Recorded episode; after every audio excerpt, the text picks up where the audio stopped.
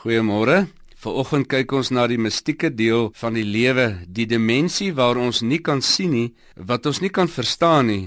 Dit wat ons dikwels mee worstel, naamlik dit wat sy ontstaan het uit die teks in Deuteronomium 29 vers 29 wat sê: Die verborgde dinge is vir die Here ons God, maar die geopenbaarde dinge is vir ons en ons kinders tot in ewigheid om te doen al die woorde van hierdie wet.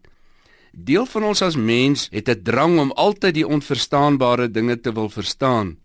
Daardie deel van jou menswees wil nie onder verwarring leef nie. Jy maak jou soms moeg en bly gefrustreerd omdat jy nie 'n klinkklare antwoord het nie. God het in sy soewereine wil 'n deel van sy handeling met die mens of die natuur bedek gehou deur nie daardie antwoorde vir ons te gee nie. Die teks sê vir ons baie duidelik dat daar verborgde dinge en geopenbaarde dinge is.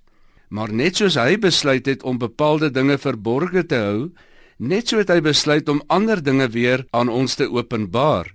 Die frustrasie van die mens kom dan juis hierin dat hy probeer om die verborgenhede te openbaar of dan te ontrafel deur sy eie afleidings te maak. Ons moet onthou dat God as skepper ons niks skuld nie. Ons het niks gedoen of verdien dat hy verplig is om sy besluit hierin te verander nie. Hierdie soewereine besluit van God maak hom juis uniek en onvergelykbaar. Dit is een van die redes hoekom die Christelike geloof dan 'n avontuurtog is wat nooit kan stagneer of nooit uitgeput kan raak nie, maar is 'n onuitputlike Christelike bron. Soveel dinge bly onvoorspelbaar en dit maak dit soveel te meer duursaam en onverganklik. Indien daar geen verborgenhede meer sou wees nie, dan het die Christelike geloof 'n perk van groei ingehaat, 'n versadigingspunt, 'n vlak wat jy sou bereik met geen nuwe uitdagings of avontuur nie.